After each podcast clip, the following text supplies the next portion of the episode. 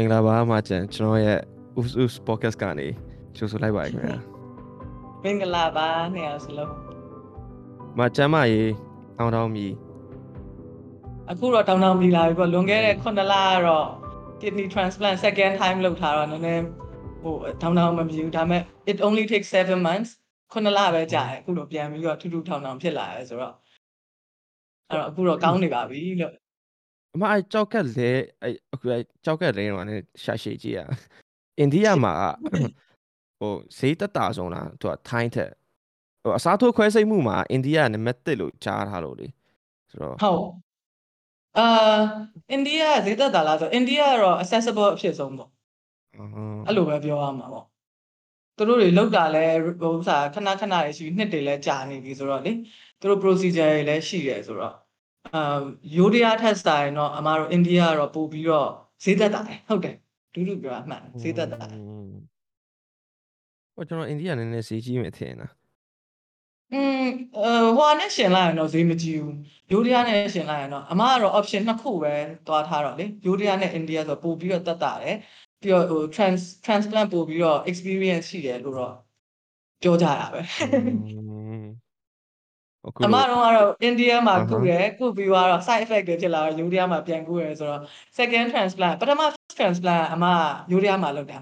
second transplant ကြာဈေးတွေအရင်မြောက်သွားပြီဆိုတော့ India မှာလုပ်ပြီးတော့ side effect တွေကိုပြန်ထိန်းတာယူရီးယားကပြန်ထိန်းပေးတယ်အိုးအဲ့လိုတော်တော်တော်ရှုပ်သွားတာနော်စဉ်းစားကြည့်ခုနလအတွင်းမှာတော်တော်ရှုပ်သွားတယ်ဒါပေမဲ့ what matters is now right now မှာကို okay နေတယ်ဆိုတော့ okay ပါတယ်လို့ โอเคပါတယ်ဟိုကျွန်တော်မှတွေ့ရတဲ့ရန်ဝန်းတာပါတယ်အမတတိယလည်းရှားနေပါတယ်ကျွန်တော်ဆိုတော့ဆိုတော့အခုမအချမ်းကကျွန်တော်တို့တည်ထားဆိုရင်အခုဒီ counseling ကိုရန်ဟိုလုံးတယ်ကျွန်တော်မြင်ရတယ်ဒီ Facebook page တွေမှာလည်းဒီအမတို့ရုံးလေးရှိရเนาะကျွန်တော်မြင်ရတော့ဆိုရင်အမတို့ဒီ counseling ရုံးကနာမည်က အာအမကကိုယ့်ဘာကို own setup လုပ်ထားတာကတော့ဒီခုနလအတွင်းမှာခဏရက်ထားရပေါ့နော်အဲ့ဒါ open arms နာမည်နဲ့ open arms well-being services ဆိုပြီးတော့အဲ့ဒါတော့ stand alone ကိုယ့်အောက်တစ်ယောက်တည်းလုပ်တာဒါပေမဲ့အမ freelance အနေနဲ့ဝင်ပေးတာကတော့ counseling corner လဲအမအမလည်း counseling တွေလုပ်ပေးတယ်အဟမ်းဆိုတော့ okay အခုမြန်မာနိုင်ငံမှာ counseling ကအရင်လည်းခင်မစားသေးဘူးဗျာတော်တော်လူတိရလည်းနေသေးတယ်ဒီ counseling ကကျွန်တော်တို့ဒီလူရဲ့ဘဝမှာ အရေးပါတဲ့ပုံပေါ့နော်ဘယ်လောက်ထိအရေးပါလဲပေါ့အဲ့ဒါဆိုကျွန်တော်ရဲ့ audience audience တွေကိုတစ်ချက်လောက် counseling ကိုမိတ်ဆက်ပေးပါဦး Okay တော့ counseling ကိုမမိတ်ဆက်ခင် pit ကိုမမိတ်ဆက်ပေးတော့ဘူးလားဟုတ် pit ကဒီ podcast ရဲ့ host ဆိုတော့မိတ်ဆက်ဆရာမလို့တော့ရမလို့ပါ okay မလို့ရအမအမကွာကိုအကျမိတ်ဆက်လိုက်အောင်မယ်အော် okay okay ပါနော်အဲ့တော့အမလည်းခုနကပြောသလိုပဲနာမည်ကနှစ်မျိုးဖြစ်နေတယ်အာ အရန်ရင်းနှီးတဲ့လူတွေကြဂျန်ဂျန်လို့ခေါ်တယ်ဒူးဒူလို့လို့မဂျန်မဂျန်နဲ့ခေါ်တယ်အာဒီ professional life career ထဲမှာကြတော့အမကို counseling အနေနဲ့ဆုဆိုပြီးတော့တည်ကြတယ်မဆုပေါ့ဟဲ့အသက်ကြီးလာတော့အဲ့တော့မဆုဆိုပြီးတည်ထားတယ်အဲ့တော့ခုနကပြောသလိုပဲအမလုပ်နေတဲ့ counseling service တွေကတော့ open arms နဲ့ကတော့ကိုယ့်အကိုလုပ်တယ် open arms well-being services နာမည်နဲ့ counseling corner မှာလည်းအမ counseling လုပ်ပေးတယ်အဲ့တော့ခုနကမေးတဲ့မေးခွန်း counseling က တိတ်ပြီးတော့ဟိုမဖြစ်သေးဘူး popular မဖြစ်သေးဘူးဒီမြန်မာပြည်မှာဟုတ်တယ် yes အပြီးတော့မေးခွန်းအော်ဟိုပါပေါ့ဒီကျွန်တော်လူဘွားမှာ live မှာ counseling ကဘယ်လောက်ထိရေးပါလဲပေါ့လိုနော်အပ်လဲရေးပါလဲ Yes. okay yes အဲ့တော့အာ physical mental နှစ်ခုရှိရလေနော်အခုဆိုလို့ရှိရင်အရင်တော့ကအမားတို့ရန်ကုန်မြန်မာပြည်မှာရန်ကုန်မှာမဟုတ်ပါဘူးမြန်မာပြည်မှာ sorry အာမြန်မာပြည်မှာဆိုလို့ရှိရင် gym တွေပါတယ်ဆိုတော့တိတ်ခင်မစားဘူးအမားတို့ငယ်ငယ်လေးတုန်းကလေအာနောက်ပိုင်းကျတဖြည်းဖြည်းနဲ့ trending ဖြစ်လာ gym သွားကြတယ် physical exercise လုပ်ကြတယ် physical ဘာညာတာကတိလာကြတယ်ခစ်နေအနီလေနော်အဲ့လိုပဲတဖြည်းဖြည်းနဲ့အခုမြန်မာပြည်မှာ အမ်တော်တော်များများဟိုဟိုအစိုးဘက်သွားတဲ့ဟာတွေရှိတယ်လူတွေ busy အရင်ဖြစ်တယ် stress တွေအရင်ဖြစ်တယ် depression တွေဖြစ်တယ် anxiety ဖြစ်တယ်ဒါတွေကိုလည်းဒီ internet တွေပါပေါ်လာတဲ့အချိန်မှာလူတွေက knowledge တွေတိလာကြပြီဆိုတော့အခုဒီအချိန်ကတော့အမထင်တယ်လို့ပြောရလို့ရှိရင်အမမြင်တယ်လို့ပြောရလို့ရှိရင်ပေါ့နော် counseling လဲ mental health တွေလဲ physical health တွေပဲအရေးကြီးတယ်ဆိုတာလူတွေကသိလာပြီအဲ့တော့အခုတော့စပြီးတော့ဒီ counseling fee လေးကတော့ booming ဖြစ်နေပြီပေါ့အဲ့တော့လူတွေအနေနဲ့က အမကိုမေးမယ်ဆို for for me personally အာ counseling ကဘယ်လောက်ထိလို့လဲဆိုတော့ gym သွားတယ်လို့ပဲပေါ့ကို mind ကိုအများကြီး sharp ဖြစ်ချင်တယ်ကိုယ့်ရဲ့ emotion ကိုအများကြီး clear clarity ရချင်တယ်ဆိုလို့ရှိရင်ပုံမှန်လုပ်ပေးပေါ့ခုဟို physical ရန် buff ဖြစ်ချင်တဲ့လူတွေ gym တွေနေတိုင်းသွားတယ်ဘယ်လို if you don't care about your mental ဆိုလဲ it's okay မလုပ်လဲရတယ်အဲ့တော့မသွားတဲ့လူတွေ gym မသွားတဲ့လူတွေဆိုလို့ရှိရင်ဘာဖြစ်လဲ flabby ဖြစ်ပြီးတော့ chubby တွေဖြစ်ပြီးအဲ့လို fitness တွေမကောင်း physical health တွေမကောင်းအဲ့လိုပဲ counseling မသွားတဲ့လူဆိုလဲဘာဖြစ်မလဲ mental health မကောင်းဘူးပေါ့ဒါပဲပေါ့อืมဆိုတော့ခုနအမပြောလိုက်လို့ gym တွေကဟိုပိုပေါ်လာရပေါ့နော်ကျွန်တော်ခင်မှာဆိုတော့အခုရဲ့ဒီ counseling တို့ therapy တို့ကရောမြန်မာနိုင်ငံမှာဘယ်လိုလက်ရှိအနေအထားဘယ်လိုရှိလဲပေါ့များဟိုနေရာတွေများများလာလားဒါမှမဟုတ်ဟိုအရန်နည်းနေသေးလားပေါ့ များတော့များလာအမရဲ့အမြင်ပါအမတို့က counseling fee ထဲမှာနေတာဆိုတော့မောင်လေးတို့နဲ့တော့အမြင်မှာမဟုတ်လေနော်အမတို့ fee ထဲမှာဆိုလို့ရှိရင်တော့ဒီ counseling corner ကနေရောပြီးတော့အပြင်က counseling ဟိုဟို credible ဖြစ်တဲ့လူတွေကနေ training တွေအရင်ပေးနေတော့ဟိုကတော့ဖြစ်လာတယ်ဟိုအအရင်ကထက်စာရင်တော့ awareness ရလာတယ်ဒါပေမဲ့ဟိုအပြင်လူတွေအရင် mental health ကိုအရင်ဟိုဟို gym တွေခုနကပြောလို့ gym တွေ popular ဖြစ်တဲ့လောက်တော့မဖြစ်သေးဘူးဒါအခုမှစတော့လို့အမကတော့မြင်တယ် တိလာတဲ့လူတွေလည်းတိလာပြီအဲ and then အရှိန်လေးလည်းရလာပြီဒါပေမဲ့ဟိုလိုကြီးတော့အရင်တိနေတဲ့အနေထားမှာတော့မဟုတ်ဘူး okay ဟိုများအောင်များလာပြီ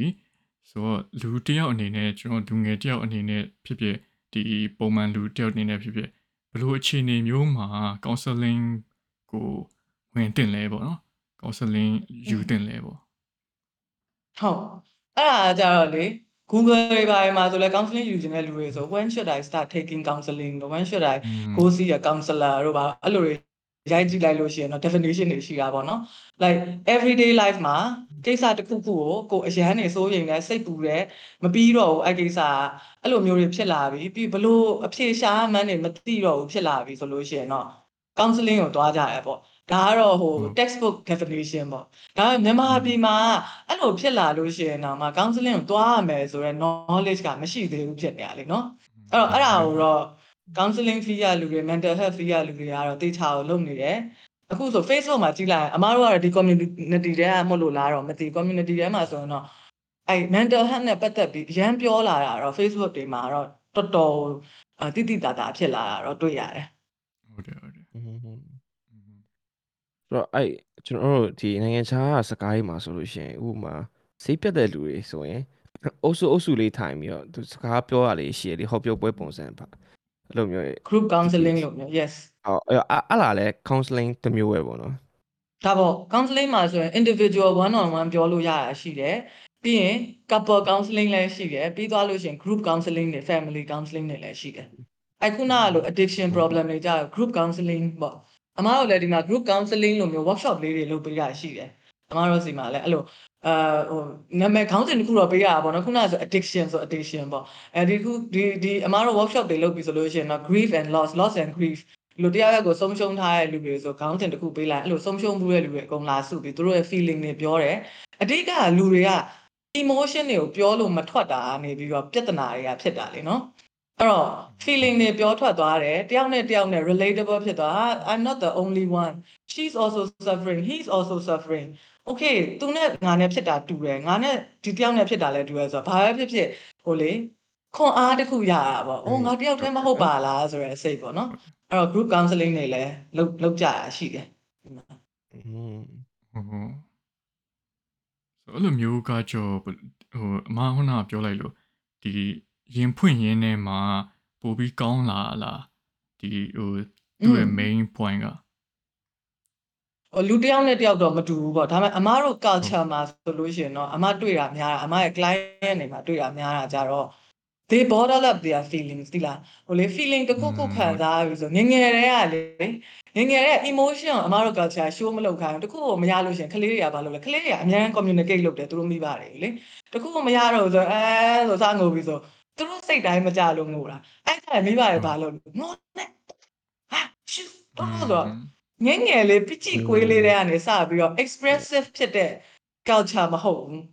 အဲ့တော့များသောအားဖြင့်အမ client တွေတော်တော်များများတော့ express မလုပ်တတ်ကြဘူး emotion မထုတ်တတ်ကြဘူးအဲ့ဒါကြောင့်မလို့ counseling ကိုရောက်လာတယ်ဒါပေမဲ့ some people ကတော့အဲ့ဒါအကုန်လုံးအတွက်လို့တော့မပြောဘူးလို့လူတစ်ယောက်နဲ့တစ်ယောက်နဲ့တယောက်မှမတူဘူးလေနော်တချို့တွေကြတော့ feeling တွေအရန်ပြောတာမကြိုက်တဲ့လူတွေရှိတယ် အဲ့လိုမျိုးလူတွေကြတော့တခါလေကျရင်ကိုယ့် emotion တွေအရန်မထုတ်နိုင်တဲ့လူတွေကြအမတို့မှာအဲ emotion ထွက်လာအောင်လုပ်တဲ့နည်းလေးတွေရှိတာပေါ့နော် like အလေးတွေနဲ့အအရင်လောက်ခိုင်းတယ်ပြီးတော့မှဒါကဘာကိုဘာတွေခံစားနေရတာလဲဘာလို့ဒီလိုမျိုးလေးတွေဆွဲဖြစ်တာလဲဆိုတော့ပြောရင်ပြောရင်ဆွဲထုတ်ရတာပေါ့နော်အဲ့တော့အဲ့လိုမျိုးပေါ့လူတွေကတော့များသောအားဖြင့် emotion ကို express မလုပ်တတ်တာများတယ်အမတို့ culture မှာတော့ဟုတ်ဟုတ်တယ်နော်ကျွန်တော်အားလုံးလည်းခံစားခဲ့ရဆိုတော့ ဒီယောက်ျားလေးဆိုလည်းပိုဆိုးရယ်မိန်းကလေးပိုးဆိုးတယ်ပိုးဆိုးတယ်ဟုတ်တယ်အဲ့ကြောင့်ခုနကလေအမဆိုလို့ရှိရင်အခုနေမကောင်းဖြစ်တဲ့အချိန်မှာဆိုလို့ရှိရင်အမ article လေးရေးရေးပြီးခုန open arms ရဲ့ page မှာတင်တယ်ပေါ့နော်အဲ့ထဲမှာတော့မှတခုဟိုယောက်ျားလေးတွေနဲ့ပတ်သက်ပြီးတခုရေးထားသေးတယ်ယောက်ျားလေးဖြစ်လို့မငိုရဘူးလို့ဘယ်လိုပြောလဲပေါ့ဘာလို့လဲဆိုတော့ငယ်ငယ်တည်းကကာချာကနေယောက်ျားကြီးမဟုတ်လားအဲ့လိုမျိုးမပြောနဲ့မင်းမလို့မင်းမရအဲ့မှာဟိုဘက်ခင်မှာကြံခဲ့ပြီကွာအခုဒီဘက်ခင်မှာじゃလူကိုလူလို့ပဲမြင်တော့တယ် နော်အဲ့တော့ ဟုတ်တယ်ဟုတ်တယ် ဟိုမိန်းမရဲ့ယောက်ျားရဲ့အဲ့လိုမျိုးတွေမဟုတ်တော့ယောက်ျားလေးတွေလည်း able ဖြစ်တယ် main ကလေးတွေလည်း able ဖြစ်တယ်ဒီလိုမျိုးခစ်တွေရောက်လာပြီဆိုတော့အဲ့အမြင်တွေကတော့ချိန်ပေးရတာပေါ့အခုဆိုအမတို့ counseling မှာဆိုလည်းအမြင်နဲ့အာငိုချလိုက်ဘာမှမဖြစ်ဘူးငိုချတာဘာမှမဖြစ်ဘူး it's okay to express your feelings ဆိုတာကိုအမြဲတမ်းထက်ထည့်ပြီးပြောနေရတယ်အဲ့မှလူတွေကနေလို့ကောင်းတာ哦 ဟုတ်တယ်ခုနအမပြောမှဆိုရင်ကျွန်တော်တို့ဒီ class တစ်ခုမှာလဲပုံဆွဲခိုင်းတယ်ကျွန်တော်တို့ อืม အဲ့ပုံ အဲ့တော့ Korea ဆိုတော့ဒီအမလား language ပြဿနာတွေရှိတော့အဲ့က counselor ကကျွန်တော်တို့သူ paper ကြီးပေးလိုက်ကျွန်တော်တို့စိတ်ကြိုက်ဆွဲဆိုအဲ့မှာအမျိုးမျိုးပေါ့တချို့ကလည်းတသက်ရဲ့ပေါ့တချို့ကလည်းဟိုဒီ counseling ဟာကိုနားလေလူကတော့တေချာဆွဲရဗျအဲ့မှာသူရဲ့တကယ် emotion ဟာထွက်လာဟောက်ဆဲအဲ့မတိတဲ့လူကြောက်တော့နေလုံးပုံတော့တန်းပုံတော့ပါသူဆွဲဆိုသူတို့လည်းမသိဘူးဆွဲဆွဲရဆွဲလိုက်ဒါပေမဲ့အဲ့ချိန်မှာ ခုံရှင်းပြအောင်ပေါ့သူ့ရဲ့ဒီစိတ်နေစိတ်ထားကိုရှင်းပြတဲ့အချိန်မှာကျွန်တော်တော်တော်လေးလန့်သွားအဲ့တော့ကျွန်တော်ဆွဲနေရပုံကနည်းနည်းဒီ maze ဝင်ကပါလို့ပုံစံအဲ့လိုမျိုးဟာဆွဲရများသွားတော့အဲ့တော့ကျွန်တော်တီးတန့်ခေါ်ပြီးဟာမင်းစိတ်တွေရှုပ်ထွေးနေလားဆိုတော့အဲ့မှာကျွန်တော်တောက်လျှောက်နေမိရဟာကျွန်တော်နည်းနည်းလန့်သွားဟာဘလို့ဘလို့တိရလဲဆိုပြီးမှအော်ဒီပုံမှာမင်းကမင်းခန်းစားချက်တွေဖော်ပြနေဆိုမှအာဟုတ်မှာပါလေဆိုအဲ့မှာခုနအမဒီပုံဆွဲရတယ်ပြောတာတတိရလိုက်လို့အခု မနေ့ကတော့တင်တယ်ကျွန်တော်လုတ်ခဲ့လိုက်ရတာဟုတ်တယ်အဲ့တော့လူတွေမှာ5 senses ရှိတယ်လीနော်အဲ့5 sense နဲ့ပဲတချို့တွေကြတော့ပြောတတ်တယ်ကွာပြော expressive ဖြစ်တဲ့လူတွေကြတော့ it's so easy for them ဒီလားဒါပေမဲ့ expressive မဖြစ်တဲ့လူတွေအတွက်ကပို့ပြီးတော့စိုးတယ်ဘာလို့လဲဆိုတော့ခံစားသမျှအထဲမှာထည့်ထားပြီးတော့မကြခင်မှာပောက်ကွဲသွားပြီးတော့ဘာလို့အဲ့လိုကြီးပောက်ကွဲသွားလဲကိုယ့်ဟာကိုယ်လည်းနားမလဲအဲ့လိုမျိုးတွေဖြစ်တာများတယ်ဟုတ်တယ်ပုံမှန်ကကျွန်တော်နိုင်ငံခြားအကြောင်းတွေမှာဆိုရင်ဗျာကောင်ဆလာရှိရယ် ဆိုတော့ อืม ဒီမြန်မာနိုင်ငံအကြောင်းတွေမှာရောဟိုရှိလာဖို့ကဘယ်လိုပြောရမလဲဟိုကတမင်မထည့်ရလားဟိုနော်ဘာလို့ဒီကျွန်တော်တို့အကြောင်းတွေမှာဆိုလို့ရှိရင်ကဒီကိုကဘာဖြစ်ချင်တယ်ဘာဖြစ်ဟိုဘာလုပ်ချင်တယ်ဆိုရင်တေချာဆွေးနွေးပြီးရကောင်ဆလာရှိရဗျာနိုင်ငံခြားအကြောင်းတွေမှာဆိုရင်မြန်မာနိုင်ငံအကြောင်းတွေမှာရောအဲ့လိုအဲ့လိုမျိုးဟိုရှိလာပြီလားကျွန်တော်မတွေ့မတွေ့ဖြစ်လို့ပေါ့အဲ့ အာ international school တွေမှာတော့ရှိမလားမသိဘူးเนาะဒါပေမဲ့ ဟိုခုနကပြောသလိုပေါ့ခင်တယ်လဲဆိုင်တယ်လေနော်ဟိုတမန်တကာမထည့်ထားတာတော့မဟုတ်သူတို့တွေလည်းဒီ mental health ရဲ့အရေးကြီးပုံကိုသူတို့တွေလည်းအခုမှစသိဟိုအဲ့လိုကြီးပြောရင်ကြာကိုကဆရာမကြီးလိုတော့ဖြစ်တယ်ပါအဲ့လိုကြီးပြောချင်တာမဟုတ်အခုမှစပြီးတော့ adapt ဖြစ်လာကြတဲ့လူတွေကြီးပဲအမလည်းအပါအဝင်ပေါ့နော်အဲ့တော့အဲ့လိုမျိုး adapt ဖြစ်လာကြတော့အခုမှ awareness ရလာတဲ့လူတွေကြာ maybe in the future hopefully ဟိုသူတို့တွေထည့်ဖို့လုပ်လာရင်တော့ကောင်းပါဟုတ်ဒါဆိုကလေးတွေအတွက်အရန် helpful ဖြစ်တယ်ဒီလား expressive ဖြစ်လာမယ် ဟိုဟိုနောက်ဆုံး essay ရေးတာအစားကွာဒီလား expressive essay ဆိုတဲ့ဟာမျိုးလေးထည့်ရေးခိုင်းရင်တော့မှကလေးတွေဘာပဲဖြစ်ဖြစ်ငယ်ငယ်တည်းက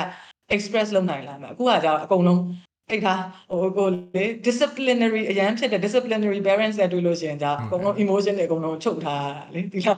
ဆယ်တန်းလောက်တည်းကကိုလုံးချင်တာလုံးလို့မရဘူးဟုတ်တယ်နောက်ဟိုဆရာဝန်လိုင်းယူလိုက်တဲ့လူတွေဆိုပို့ဆိုတော့တက်ကတူပြီးတဲ့ဒီကိုလုံးချင်တာလုံးလို့မရခုနှစ်နှစ်လုံးတက်ပြီးသွားတော့မှ ကိုမလုံးချင်ဘူးဒါကြီးကိုလုံးဝမလုံးနိုင်ဘူးအမေဆိုပြီးတော့မလုံးကြတော့ so much time wasted နော်အာအာမာဂျန်ရှိမှာပဲလေဥမာဆရာဝန်ကြောင်းတက်နေမှာကျွန်တော်ကျွန်တော်လည်းဟုတ်အဲ့ပါလိုပဲဖြတ်တန်းလာခဲ့ရတာဟုတ်တယ်ကျွန်တော်က second year မှာ second year မှာကိုယ့်ကိုယ်ရုံးထွက်လိုက်အောင်ပေါ့ဒီอืมမြန်မာနိုင်ငံကမိဘတွေကလည်းသူတို့ပုံစံပေါ့ကွာဒီဒါကတော့ Asian parent တွေရဲ့ပုံစံပေါ့ဒါပေမဲ့ကိုယ့်အနေနဲ့ rebel ဒါပေါ့လုပ်နိုင်ဖို့ပေါ့ ကျွန်တော်အဲ့တော့ rebel လုပ်နိုင်သွားပြောပါမယ်အဲ့တော့ကျွန်တော်ကျွန်တော်တော်တော်လေးတိုင်ပတ်သွားပေါ့အော်ကျွန်တော်တို့ငယ်ငယ်ကလေးကတည်ရဆိုတော့သူ့ရဲ့မာလာရဲ့ကျွန်တော်ဖုန်းဆက်ပြီးတော့ဟာဟိုဘောနော်ဒီ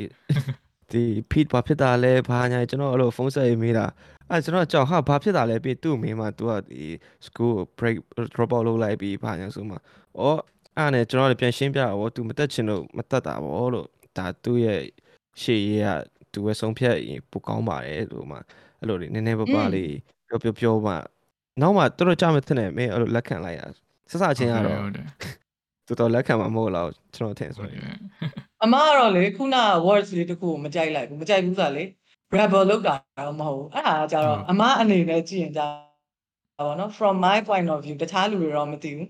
that's so much bravery လို့မြင်တယ်အမကကြတော့ခုနကလိုမျိုး part ကိုခွဲထွက်တဲ့ထဲမှာမပါဘူးအမကကြ main ကလေးလည်းဖြစ်တယ် ပြီးတော့အမရဲ့ဟိုဥစား family dynamic ကအဖိုးတို့အဖွားတို့ကအဲ့လို education education အဲ့လိုလူတွေပေါ့နော်အဲ့တော့ education oriented people ဖြစ်တဲ့အတွက်သူတို့ကငယ်ငယ်တည်းကအရန်နေစီကန်းနေချတော့ကိုကအဲ့ pattern break လောက်ရမှာအရန်ကြောက်ခဲ့တော့อืมတက်ကတော်တော့လေးနှစ်တက်လိုက်တယ်ပြီးတော့တက်ကတော်ပြီးတော့အဲ့လိုတော့အောင်လုပ်တယ်အဲ့လိုမျိုးဖြစ်တာဟုတ်တယ်အဲ့လိုဒါအဲ့လိုအဲ့တော့ခုနကပြပြောလိုက်တာတော့ yeah it's not rebellious it's like it's, you're brave second year ဆိုတော့16 19 18လောက်ပဲရှိအောင်မှာပေါ့ဟုတ်တယ်19ဟုတ်တယ်18ပေါ့ဟုတ်တယ်ဟုတ်တယ်အဲ့ concession နဲ့တော်တော် brave ဖြစ်တယ်ပြောရမှာပေါ့အမဆိုအဲ့လိုမျိုးမမမမလှန်ရဲဘူးမလှန်ရဲဘူးဆိုတာတက်လေအဲ့လိုကိုဘာလုံးလို့လုံးရှင်နေမှန်းမသိတာอืมအဓိကကတော့အဲ့ဒါပဲဟုတ်တယ်ဒီကအဲ့လာပဲဟုတ်တယ်အဓိက self awareness မရှိတာအမကလေအဲ့တော့ကိုဘာလုံးလို့လုံးရှင်နေမှန်းမသိတော့အဖိုးကဆရာဝန်လုံးရမယ်ဆိုစေးစေးချောင်းကိုရအောင်လို့စာရေးချက်တယ် but then ကိုကအဲ့လောက်ထိ ညံမရှိနေဘူးဆိုတော့ကိုကတော့မသိဘူးအဲ့ဒါစေးချောင်းကိုမဝင်ဘူးအဲ့တော့ American နဲ့ပတ်သက်တာတက်မှရမယ်လို့အိမ်ကအဲ့လိုအဲ့လိုမျိုး vibe တွေပေးနေရပေါ့နော်ကိုကတော့ပါဇက်ကမပြောဘူးဒါပေမဲ့အဲ့လို vibe ပြီးတော့ American နဲ့ကိုဘာနဲ့ရလဲ dentistry ရှောက်တယ်အမှတ်ကမမီပြန်ဟာ vet ကိုရှောက်ဖို့လုံးဝမေ့သွားတယ်အမှန်တကယ် vet ကိုရှောက်ရင်တော့အခု maybe I I might be a vet ဘာလို့လဲဆိုတော့ခွေးတွေကြောင်နေတိရစ္ဆာန်အရင်ချစ်တတ်တယ်လူ but then again self awareness မရှိဘူး ခုန mental health ဘက်ကိုပြန်သွားရင် self awareness လုံးဝမရှိခဲ့ဘူးကိုဘာလို့ကျင်လဲကိုမသိခဲ့ဘူးအဲ့တော့ go with the flow တွေဖြစ်နေတာအဲ့တော့ခုနကပြပြောလိုက်တာဆို you know what you wanted you knew what you wanted so that's a very good thing ကိုဘွားနောက်ဆုံးကျတော့ကိုပဲသွားရမှာလीเนาะဟိုအဖေအမေဆိုတာလည်းတစ်ချိန်ချိန်မှာဟိုရှိတော့မှာမဟုတ်ဘူးအဲ့ကြရင်ကြမှာအဖေအမေမရှိတော့မှာဟင်းငါလုံးဖြစ်တာဒါလည်းမဟုတ်ဘူးဆိုတာကြီးသိသွားတာတဲ့ဆိုင် session နဲ့မှာ you ဒီလိုလုပ်လိုက်တာကတော့ you know what you want အဲ့ဒါပဲ counseling ကလည်းအဲ့ဒါပဲ self awareness ပဲ counseling ကကိုဘာလိုချင်လဲကိုဘာလုံးလို့ရှင်ပြောလဲကိုဘာလုံးရင်စိတ်ညစ်လဲစိတ်ညစ်တဲ့ဟာကိုရှောင်မယ်ပျော်တဲ့ဟာကိုလုံးမယ်ဘလို့ mindful နေရမလဲငါကပျော်နေလားငါစိတ်ညစ်နေရလား awareness ကိုသိဖို့ပဲသွားတာ counseling ကအဓိက essence ကတော့ဟုတ်တယ်နော်အဲ့ဆိုတော့ဒီ high school တွေမှာထားပေးရမှာဒီ university ဘက်မရွေးခင်လူမျိုးလေဟုတ်တယ်ဟုတ်တယ်ကို counselor ဆိုတာတကယ်လိုအပ်တယ်အမှန်တမ်းပြောရင်တော့လေ ဟို guidance counselor လို့ခေါ်တာပေါ့အရင်တော့ကကြာเนาะ guidance counselor ဘယ်ဟိုပါပဲဒါအောင် guidance counselor နဲ့တွေ့တာနဲ့ဟိုဟို mental health counselor နဲ့တွေ့တာတူချင်မှတူမယ် guidance counselor ကြတော့ maybe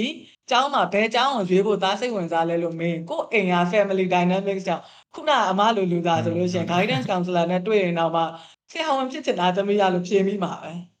ဒါပဲဖြစ်ဖြစ်16နှစ်မသိဘူးဘလို့မှ อืม อืม တစ်ချိန်လုံးအိမ်မှာဆရာဝန်ဖြစ်ရမယ်ဆရာဝန်ဖြစ်ရမယ်မွေးကလေးကပြောလာတာ16နှစ်မှလည်းဆရာဝန်ဖြစ်ရင်မအားတော့မလို့လူတွေဖြစ်တယ်ကွာအမှန်တကယ်အမငယ်ငယ်တုန်းကအရင်ဖြစ်ချင်တာပါလဲတလားကာတွန်းဆွဲချင်တာအဲ့လို comic လေးထိုင်ဆွဲနေရရင်ပျော်တာ but then I lost it because self awareness မရှိခဲ့ဘူးအဲ့ဒါ hobby လေးလိုပဲထင်ခဲ့တာအခု counseling တွေပြန်လုပ်တယ် counseling ပြန်လုပ်တာကိုကိုယ်တိုင်လည်း counseling သူများကိုပေးသလိုအမတို့ counselor တွေကကိုကိုယ်တိုင်လည်း counseling ယူပါတယ်ကိုယ့်ရဲ့ baggage တွေကိုယ့်ရဲ့ issue တွေ clear ဖြစ်မှသူများရဲ့ issue နဲ့တွားပြီး clash မဖြစ်မှာဆိုတော့အမကိုယ်တိုင် counseling ယူတော့မှအော်ငါတကယ်ဖြစ်နေတာ comic book ဟိုဆွဲတဲ့လူပဲဆိုတဲ့ဟာမျိုးလေးသိလာတာပေါ့နော်အဲ့ဒါအသက်30ကျော်မှသိတာအမဆိုအာဆိုတော့အခုမြန်မာနိုင်ငံမှာ counseling ဈေးကွက်ပေါ့ဘယ်လိုမျိုးရရှိလဲ counseling ဈေးကွက်ဆိုဘယ်လိုပြော counseling availability ကိုပြောတာဘယ်လိုပြောတာဟိုပါပေါ့ကျွန်တော်တို့ပြောတာ counseling လုပ်မယ်ဆိုလို့ရှိရင် appointment တွေပါရှူပြီးတော့ဒီ counselor ကိုပေးရတဲ့ amount ပေါ့နော်ဒီတချို့မြန်မာနိုင်ငံမှာဆိုရင်ဒီ counseling ခေါ်လို့ရှိရင်အရန်စေးကြီးမဲ့ထင်တဲ့လူကရှိရပေါ့ဘာလို့ဆိုတော့ဒီ psychologist တို့ counselor အဲ့လို mental health ပြောတဲ့လူတွေကသူများရဲ့ထပ်ပို့ပြီးတော့ဘယ်လိုအာယုံစူးစိုက်ရတာတို့လေးလာရတာအဲ့လိုမျိုးတွေချာဘူးနာဝရှိတာကြတော့လူတချို့တွေရဆိုတော့အဲ့လိုမျိုးတွေဟိုကုန်ကြစိတ်တွေများမှကြောက်ကြရတယ်ရှိရလေကျွန်တော်မြင်တွေ့ရတယ်ဆိုတော့အဲဆိုတော့ ကုန်ကြစိတ်ရိတ်ပေါ့နော်ဒီ counseling တစ်ခါလုံးမယ်ဆိုလို့ရှိရင်ဘယ်လိုမျိုး price တွေရှိလဲဟုတ်အဲ့ဒါတော့လေအမကတော့ researcher မဟုတ်တဲ့အတွက် research လုပ်ထားတာမဟုတ်တဲ့အတွက် my opinion နဲ့ my knowledge အရာပဲဖြစ်မယ်နော် အမတွေ့တာကတော့ဘာလဲဆိုတော့တကယ်ကို credible ဖြစ်တဲ့လူတွေနိုင်ငံခြားထဲမှာသွားပြီး master degree တွေယူပြီးတော့ counseling subject ကြီးကိုလုပ်ထားတဲ့လူတွေကတော့ of course they will be expensive ဘာလို့လဲဆိုတော့ counselor တယောက်ရဲ့အဓိကပေးရတဲ့ဟာသူများ designer ဆိုလို့ရှိရင် idea ပေးရတယ်နော်ဟို rapper ဆိုလို့ရှိရင်လည်းသူတို့တွေ lyrics တွေ beats တွေဒါတွေကိုသူတို့လုပ်ရတယ်ကိုရီ counselor တွေကြအဓိကပေးရတာအချိန်နဲ့ energy ဖြစ်သွားတယ် အဲ့တော့ဟုတ်တယ်ကိုယ့်ရဲ့အချိန်နဲ့ energy ကိုပေးရတာဖြစ်တဲ့အတွက်ဟိုဟိုဟာတော့ဖြစ်တာပေါ့နော် drain ဖြစ်တဲ့အတွက်ပတ်စံတော့ ဟိုများတာတွေရှိတယ် but then အမအခုမြင်နေရတာဘာလဲဆိုတော့အဲ့လိုမျိုးဟို master degree တွေဘာတွေယူထားတာမဟုတ်ဘဲနဲ့အမဆိုလို့ရှိရင်လည်း master degree ဘာတွေယူထားတာမဟုတ်အမ counseling corner မှာနှစ်နှစ်လောက်လုပ်တယ်ပြီးတော့ကိုယ့်ဟာကိုယ်ဆက်ပြီးတော့အဲ stand alone လုပ်တယ် counseling corner နဲ့လည်းဆက်ပြီးတော့ relation ရှိတယ်အမတော့မှာ supervision ယူရတယ်ဆိုတာရှိတယ်အဲ့တော့အဲ့လို supervision ယူပြီးလုပ်တော့အမတော့လို့အဲ small business လို့ဟာမျိုးလေးတွေကတော့အရန်ဈေးအရန်တော့မဟုတ်ဘူးပေါ့နော်ဈေးပေါ်တယ် အမအနေနဲ့ဆိုလို့ရှိရင်တော့အမဟိုလိုလေအဲ sliding scale လို့ခေါ်တာပေါ့ကိုဘယ်လောက်တက်နိုင်လဲဘာလို့လဲဆိုတော့ဟိုအမစိတ်ထဲမှာじゃဘယ်လိုစဉ်းစားလဲဆိုတော့ mental health ကိုမတက်နိုင်လို့ mental health မယူဘူးဆိုတဲ့ဟာကြီးကြတော့အမသွားနေတဲ့လမ်းကြောင်းနဲ့မကိုက်ဘူးပါအမကじゃ mental health ကိုလူတိုင်းကိုရောက်စေချင်တယ် mental health for all ဒါလူတိုင်းလိုတယ်ခုနကပြောလို့ gym သွားလို့လူတိုင်းက counselor နဲ့တစ်ချိန်မဟုတ်ချိန်မှာတွေ့နေရမယ်တချို့ရေဆိုလို့ရှိရင်တစ်ပတ်တစ်ချိန်တွေ့ရအရန် severe ဖြစ်နေပြီဆိုတချို့ရေကြာတစ်လတစ်ချိန်တွေ့တချို့ရေကြာသုံးလမှတစ်ချိန်တွေ့ဒီလိုတော့အများကြီးတွေ့နေရမယ်လို့အမကထင်တာပေါ့နော်အဲ့တော့မတက်နိုင်တဲ့လူတွေဆိုလို့ရှိရင်အမ sliding scale ပေးတယ်အမတို့စီမှာတော့လေအမတို့ open arms မှာတော့ဘယ်လောက်တက်နိုင်လဲဟိုဥစား9000လို့မှတ်ထားတယ်ဒါပေမဲ့မတက်နိုင်ဘူးဆိုလို့ရှိရင် okay ဒီလူတယောက်စကားပြောကြည့်လိုက်တယ်ပြောကြည့်လို့ तू က counseling တွေအများကြီးလိုတယ်ဆိုလို့ရှိရင်တော့ okay အဲ့ဒါဆိုလို့ရှိရင်တော့အနည်းဆုံး1000လောက်နဲ့ပြနိုင်လားမပြနိုင်ဘူးဆိုလို့ရှိရင်ဘယ်နှချိန်လာရင်ဘယ်လောက်အဲအဲ့လိုမျိုးလေးပေါ့အမအတွက်ကတော့အမကအဲ့လိုလုပ်ပေးတယ်အမရဲ့ခံယူချက်ကြောင့်အဲတချို့လူတွေလည်းအမတွေ့တာတွေရှိတယ်အဲသူတို့လည်းဒီလိုမျိုးပေါ့နော်အဲဟိုနိုင်ငံသားတွေမှာတွားပြီးတော့လက်မှတ်တွေယူထားတာမဟုတ်တဲ့အတွက်သူတို့လည်းအရန်ကြီးတွေမရှိဘူးအဲ့တော့ဈေးပေါ်တဲ့ဟာရှိတယ် free လုပ်ပေးတဲ့ဟာရှိတယ်ဈေးကြီးတဲ့ဟာရှိတယ် ဒါမဲ့ဟိုလေကောင်ဆလာကတော့ရွေးလို့ရှိရင်တော့များသောအားဖြင့်ဒီနိုင်ငံမှာ credibility ကိုကြည့်ကြတာများလေနော်อืม but then အဲ့ဒါကတော့ another topic ဖြစ်သွားလိမ့်မယ်ပြောရင် vast vast အများကြီးဖြစ်သွားလိမ့်မယ်ဘာလို့လဲဆိုတော့ credibility ကိုကြည့်မှာလားဒါမှမဟုတ် life circumstances တွေကိုကြည့်မှာလားအမားတို့လိုလူမျိုးတွေဆိုလို့ရှိရင် credibility တော့အဲ့လောက်မရှိဘူးမဲ့အမ medical knowledge ရှိတယ် medical fee ကလာတယ် but then အာ mental health ကိုလည်းဟို psychotherapist တကယ်ကိုနိုင်ငံခြားကနေပြီးတော့ credit credit ရလာတဲ့လူနဲ့လက်ထပ်တင်ထားတယ်ဒါပေမဲ့ကိုယ့်ဘာကိုဟိုဟာပြောလို့ရှိရင်ကိုယ့်ရဲ့ life situation ကလည်း ups and down တွေအများကြီးများတော့အမ specialize ယူထားတဲ့ topic တွေဆို counseling မှာပိုများတယ်အဲ့လို domestic violence လည်းအမတွေ့ဘူးတယ် family problem issues တွေလည်းအမတွေ့ဘူးတယ် eating disorder လည်းအမဖြစ်ဘူးတယ်အခုဆို health နဲ့ပတ်သက်ပြီး kidney transplant ကို first time တော့မဟုတ်ဘူး second time ဖြတ်ဘူးတယ်ဆိုတော့ health နဲ့ပတ်သက်တဲ့ case တွေဆိုလည်းအမနားလဲတယ်အဲ့တော့ credibility ကိုကြည့်လို့ရတယ်လို့သူ့ရဲ့ life circumstances တွေကိုကြည့်ပြီးတော့ရွေးလို့တော့ရတာပေါ့နော်တချို့ကြစာရွက်ကြီးတော့ရှိတယ်ကွာသူဒီလိုမျိုး ups and down တွေမမြင်ဘူးထားတော့တချို့လူတွေပြောတော့မှ maybe they are well prepared ဖြစ်ရင်လည်းဖြစ်နေမယ်ဖြစ်ချင်မှလည်းဖြစ်မယ်ဒါမျိုးတွေလည်းရှိတယ်ဟောအသွေးကြုံတဲ့စကားပြောပါဘောမာချန်ကဒီတွေ့ကြုံနဲ့လည်းစကားပြောတယ်ဟုတ်ကဲ့စာတင်တာနဲ့လည်းစကားပြောတယ်ဒါဟုတ်ကဲ့အဲ့လိုမျိုးတွေရှိတာပေါ့ yeah အားကြောင့်မလို့လေနော်တ so ခါတလေ many အဲ့လို grade တွေဗျာ ဟိုလိုစာရွက်ဟုတ် ရေးရတယ်တိတ်အရေးမပါဘူးပေါ့တခါတည်းတော့အရေးပါဘူးတခါတည်းတော့အရေးမပါပါဘူးခုနဟိုမာချန်ပြောသလိုပေါ့အကုန်လုံးပါပဲဟိုဓာတ်ပုံတင်တန်းကောင်းကောင်းတတ်မှပဲဓာတ်ပုံဆရာကောင်းကောင်းဖြစ်လာမှာမဟုတ်လေနော်သူ့ရဲ့အတွေ့အကြုံကပဲစကားပြော idea လိုသေးတယ် yeah Idea ဟုတ်တယ်အဲ့လိုမျိုးကြီးရှင်ဆိုတော့ အဲ balance ဖြစ်ဖြစ်နဲ့စဉ်းစားဖို့လိုတာပေါ့နော်အစတည်းမှာကိုက counseling လိုနေပါဆိုမှာ counselor ရွေးဖို့ balance ဖြစ်ဖြစ်တွေလိုက်စဉ်းစားကြားတယ်ဒီမှာပို့ပြီး ကိုယ်ပဲငါတို့ပြောတာရနားထောင်ပြီး balance တော့ဖြစ်ဖြစ်တော့ကြည့်ရမယ်ဒါပေမဲ့ counseling ယူတာကဘာလုပ်လို့ရလဲဆိုတော့အားနာကြမလို့ counselor တွေကလည်းအဲ့လိုမျိုးလေအဲ့လိုငါတို့စီမလာတော့လည်းမသိဘူးလို့အဲ့လိုမျိုးဟို emotional မဖြစ်ဘူး we are already trained to be อืมဟိုဟို let go ပေါ့နော် train to let go ဆိုတော့အဲ့လိုကိုယ်အဆင်မပြေဘူးဆိုလို့ရှိရင် body face ကိုကြည့်ပြီးတော့အမအမနဲ့စကားပြောရတော့ကျွန်မအဆင်မပြေနေဘူးနော်လို့ပြောလဲ counselor တွေက they don't take it personally တိလား သူတို့ fan မဖြစ်သွားဘူးဆိုတော့ that's a very good thing အဲ့တခုကတော့ဟို client နေစီမှာလုံးဝ right ရှိတယ်သူအဆင်မပြေတဲ့ counselor ကြီးကိုဆက်လာပြီးပတ်စံပေးနေစရာမလိုဘူးကျမအဆင်မပြေဘူးအဲ့တော့ကျမကို counselor ပြောင်းပေးပါလို့ပြောလိုက်ရင်တော့ရတယ်အဲ့ message လေးကိုတော့သိစေချင်တယ်လူတွေတော့ဘာလို့ဆိုမြန်မာလူမျိုးတွေအကျန်းအားနာဟုတ်တယ်ဟုတ်တယ်ဟုတ်တယ်အာနာလားပြီးခံပြီးထိုင်လိုက်ရမှာပုံစံနေမပြောရဲရကြီးပေါ့နော်မပြောရဲအာအာနာလားမပြောရဲရလားတော့မတဲကွယ်ကျွန်တော်ထင် အဓိကမပြောရဲရအဲ့မပြောရတာပေါ့ဘာလဲဆိုတော့အားနာရဲဆိုတော့နိုင်ငံသားမှာဘယ်သူမှမသိမသုံးဘူးအားနာရဲဆိုတဲ့စကားအင်္ဂလိပ်လိုမှမရှိတာ so only our culture လို့နော် um, Asian culture မှာပဲရှိတယ် again အဲ့ဒါလည်းငယ်ငယ်တည်းက expressive မဖြစ်ခဲ့ရဘူးကျောင်းမှာစာတင်ဆရာမမမော့နဲ့လို့မမော့ဘူးအမေကတမန်ကိုအောင်စားဆိုကိုအောင်စားရဲဆိုတော့ express မဖြစ်တော့ I don't know what I want ဖြစ်လာကျွန်တော်လူငယ်တွေရဲ့ mental health ဘတ်နည်းနည်းပြန်သွားရရင်ခုတလော okay ခုတလောမှမဟုတ်ပါဘူးဒါလည်းရှိခဲ့အချိန်လည်းရှိမှာပေါ့ depression anxiety ပေါ့ဟိုအဖြစ်အများဆုံးကပေါ့ဆိုတော့ depression ဆိုလဲဒီကနေမှအဆိုးဆုံးအောင် suicide ပေါ့အဲ့ပဲရောက်သွားနိုင်တယ်อืมပြီး anxiety ဆိုလဲ yes ကျွန်တော်တို့ဒါတိတ်မကြောက်ဘူးကအမှန်တော့အားလုံးဟိုဖြစ်တဲ့လူတော်တော်များရဲ့ anxiety ကအဲ့အနေမှာဘယ်လိုလဲဆိုတော့လူရင်းနဲ့စကားတိတ်မပြောလာနိုင်တော့ဘူး anxiety ရှိလို့ပြီးတော့အဲကျွန်တော်တချို့တစ်ခါလေးမှပဲကြားဘူးရဲ့ anxiety breakdown တို့ပေါ့အဲ့လိုရှိရလူတွေလည်းရှိ panic attacks တွေ panic attack တွေရှိရပေါ့ဆိုတော့အဲ့အပိုင်းတွေကိုဟိုဟိုအမဘယ်လိုမျိုးတွေမြင်လဲပေါ့อืมအော်အမကတော့အမှန်တမ်းပြောရင်ကိုယ့်အကိုဒီ counseling video ဝင်ပြီးနှစ်နှစ်လောက်နေတော့ကိုယ့်အကိုသိလာတာပါလဲဆိုတော့ I am an anxious person ပေါ့နော် အဲ့လိုမျိုးသိလာတယ်ဒီ counseling ကိုလည်း counselor နဲ့တွားပြရင်တွားပြရင်လည်းကိုကဟို upper ပေါ့ကြက်ထားတဲ့အပတ်ဟိုကကြ depression ကကြတော့ downer ပေါ့သူတို့ကလုံးဝဟိုဟာဖြစ်သွားအားငယ်တိတ်ငယ်သွားတဲ့ဘက်ပေါ့အဲ့တော့ mental health မှာတော့အမအမြင်ပေါ့နော်အမအမြင်ကတော့ဒီဒီ two main ဟို things อ่ะ two two main ဟိုကတော့အာအာ ဟို topic ကတော့ဒီ depression နဲ့ anxiety လို့ပဲပြောရမှာပေါ့နော်တချို့ကြအရန်တိုးနေတာတချို့ကြလုံးဝ isolate လုပ်ချလိုက်တာအဲ့တော့နှစ်ခုစလုံးကတော့ mental health မှာလေအဲအဲ့ဒါပြောလို့ရှင်ပြီးရင် meditation တောင်ဆက်ပြောလို့ရသေးတယ်ဘာလို့လဲဆိုတော့ here and now ကိုလူတွေကမရောက်နေဘူးစိတ်တွေက emotion တွေကလေဘာလို့လဲဆိုတော့အနောက်ကပြီးခဲ့တဲ့ကိစ္စကိုလက်ကိုမလုံနိုင်ဘူးဆိုတော့ဒါ depression ဖြစ်နေတယ်အရှင်းမှာမလာသေးတဲ့ကိစ္စကိုကြိုပြီးတော့စိုးရိမ်နေတယ်ဆိုလို့ရှင်ဒါ anxiety ပဲ မဖြစ်သေးတာတွေထိုင်ပြီးတော့အာထိုင်စဉ်းစားပြီးတော့ဆိုတော့ you have to be in the moment အဲ့ဒါအခုခေတ်မှာတော့လူတိုင်းပြောပါတယ် enjoy the moment live in the moment meditation မှာလည်းအဲ့လိုပဲ here and now in the moment เนาะ focus concentration အဲ့လိုမျိုးတွေပြောကြတယ်လေเนาะ mindfulness ဟုတ်တယ် အဲ့ဒါတွေကအမှန်တမ်းပြောလို့ရှိရင်တော့ဒါ mental health ရဲ့ key တွေပဲ mental health မှာလည်းအဲ့လိုပဲ here and now မှာနေရင် အရှိတွေအနောက်တွေကိုတွားပြီးတော့စိတ်မပူနေဘူးဆိုလို့ရှိရင်ဒါ you are okay ပေါ့မဟုတ်ဘူးရှေ့တွေနောက်တွေဒိုးနေမယ်ဆိုရင်တော့ anxiety နဲ့ depression ကလာနေမှာပဲဆိုတော့အဲ့အကြောင်းမလို့အမတို့ counseling မှာဆိုလဲကိုယ့်ရဲ့ client တွေဆိုလို့ရှိရင်ဒီ here and now enjoy the moment လေးဖြစ်တတ်ဖို့အများအားဟိုဟာလုပ်ပေးရတာပေါ့ကိုယ်ပြောပြောပြောပြပေးတာပေါ့နော်သူတို့လည်းလိုက်ပြီးတော့ကိုပြောတာတွေလိုက်လုပ်ရင်လိုက်လုပ်ရင်သူတို့ဖာသူတို့ habit တွေဖြစ်လာတာ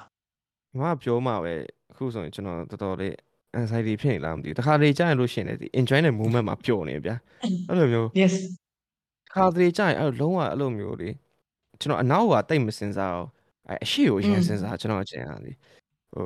လာမဲ့ဟာဘာဖြစ်မလဲအဲ့လားစဉ်းစားပြီးတခါလေအိတ်မပြောတာအဲ့ anxiety အရန်ဝင်လို့ရှိရင်လေဘယ်လိုပြောမလဲစိတ်နဲ့ဟိုတကယ်စိတ်နဲ့လူနဲ့လုံးဝမကတ်တော့စိတ်နဲ့လူနဲ့မကတ်ဘူးကိုယ့်ကိုဟိုတောင်တွေးမြောက်တွေးဘေးကလူကပြောချင်တာပြောပြီးရင်ပြီးလို့ရှိရင်လည်းအဲ့လိုမျိုး ဒီပတ်ဝန်းကျင်နဲ့လည်းလို့အဆက်အသွယ်ရတယ်အရန်မလို့ဖြစ်တော့အဲ့ကျွန်တော်ဆိုလို့ရှိရင်ခုမှနည်းနည်းလေးဒီ enjoy the moment လေးနည်းနည်းပြန်ဖြစ်တာအဲ့အရင်အရှိအရင်နှစ်ပတ်လောက်ကဆိုတော်တော်ဆိုးရကျွန်တော်အဲ့အရှိကိုပဲအသေးသွေးရကျွန်တော်အာဘာဘာဘာဘာဘာဘာလို့အလိုက်နေအကြောင်းမလို့လူကတော်တော်လေးခဏလို့ဒီ mental health ကြီးอ่ะအဲ့တော့ကတော့ဟာ mental health အောင်ပြေးပြားရတော့မလားတော့စဉ်းစားလိုက်သေးရဲ့ပြီးမှနည်းနည်းဟိုကိုယ်စိတ်ကိုအဲ့လိုမျိုးပြန် ထိန်းနိုင်သွားလို့ပြောရမလားအဲ့လိုဖြစ်သွားအခုကတော့อืมနည်းနည်း AC တော့ပြန်ဖြစ်သွားအောင်ဖြစ်သွားတယ်အဲ့တော့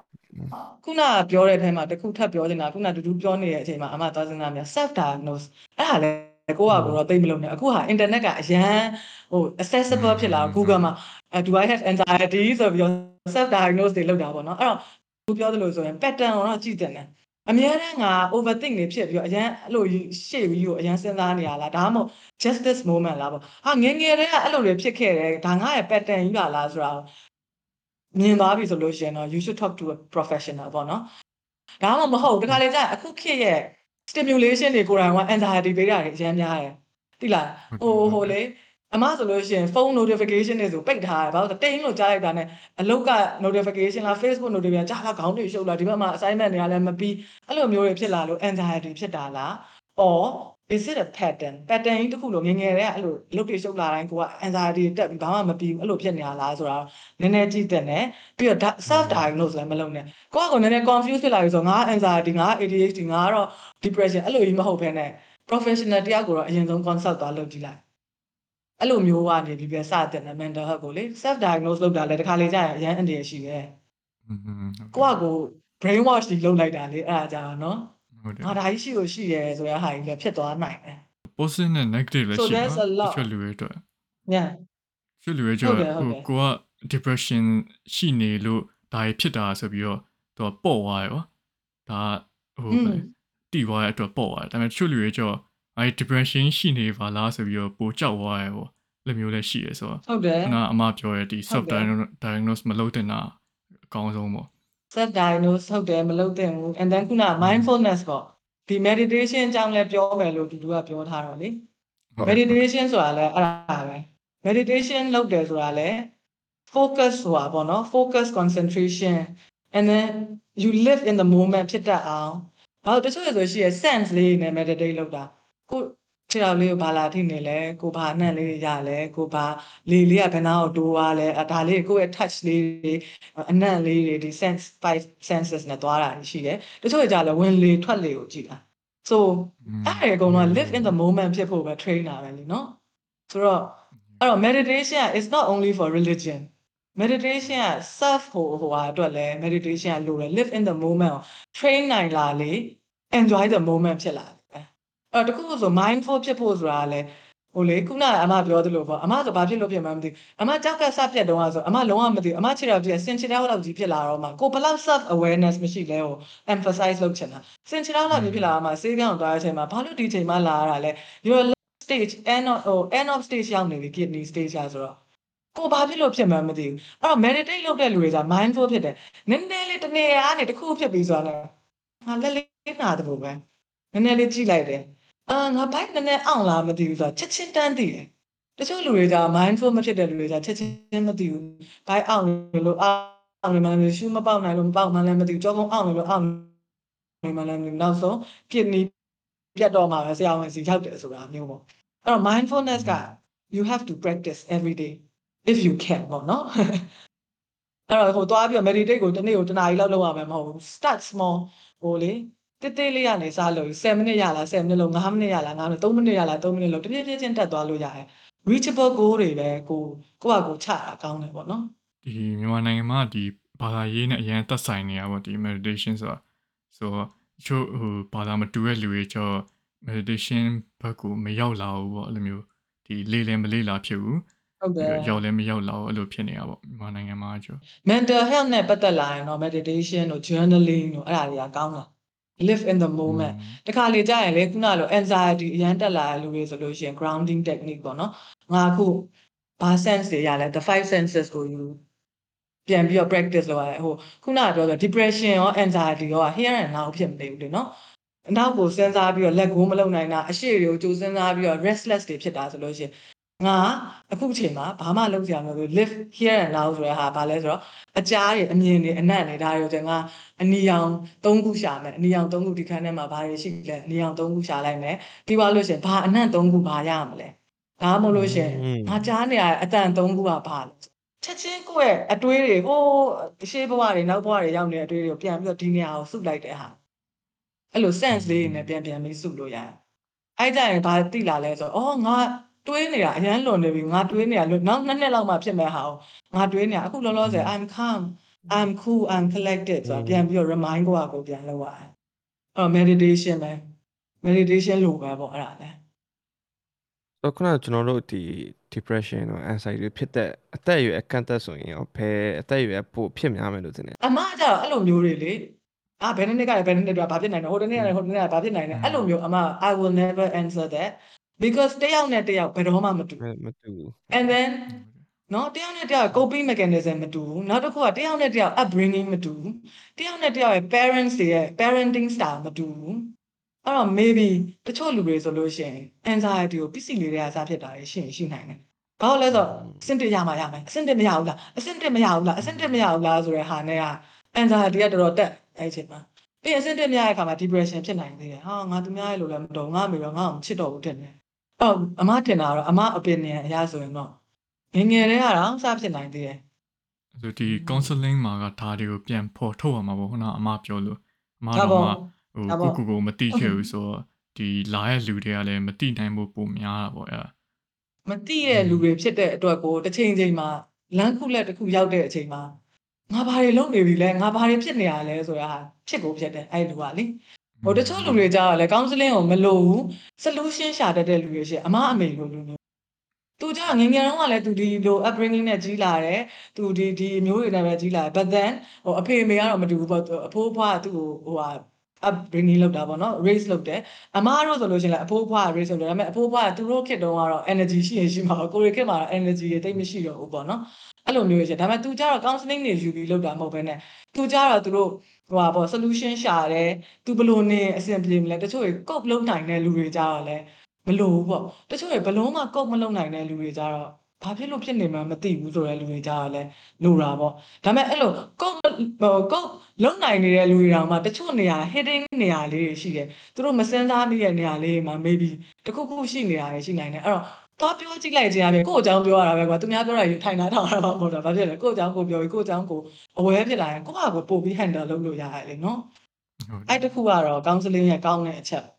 counseling မှာဆိုလို့ရှိရင်တော့အမားတို့ကကိုယ့်ဟာကိုယ်သိဖို့ self awareness self love ဒီ self နဲ့ပတ်သက်တာပဲပြန်ပြန်သွားတယ်တချို့ဆိုအသက်40ရောက်တော့မှအော်ငယ်ငယ်လေးကဖြစ်ချင်ကြဒါပါလားဆိုတာသိသွားတဲ့လူတွေရှိတယ်ကွာအဲ့ကြတော့ ပြေးပြီးအဲ့ဒါတွေလုံးကြရင်ပျော်သွားတာတို့ပါတော့ပေါ့နော်တချို့တွေကြတော့လဲ rapper လုပ်ချင်တယ်ဒါပေမဲ့90ကျမှ rapper လုပ်ချင်မှသိရဆိုလဲ okay အဲ့ဒါဆိုလို့ရှိရင်တော့ rapper တော့လုပ်လို့မရတော့ဘူးဒါပေမဲ့တချင်းရေးပေးမလားဘာလို့လုပ်ရင်ကောင်းမလဲငယ်ငယ်ကသူ YouTube ခဲ့တဲ့ဟာ hobby တစ်ခုအနေနဲ့သူ coping mechanism လေးလုပ်လို့ရတယ်ဒါမျိုးလေးတွေပေါ့อืมအခုမို့ဒီအခု Facebook တွေပေါ်မှာလေကျွန်တော်ဟုတ်အဲ့လိုဒီအားပေးစကားတွေအများကြီးအဲ့လိုမျိုးရေးလိုက်လို့ရှိရဗျာ อืม ဟို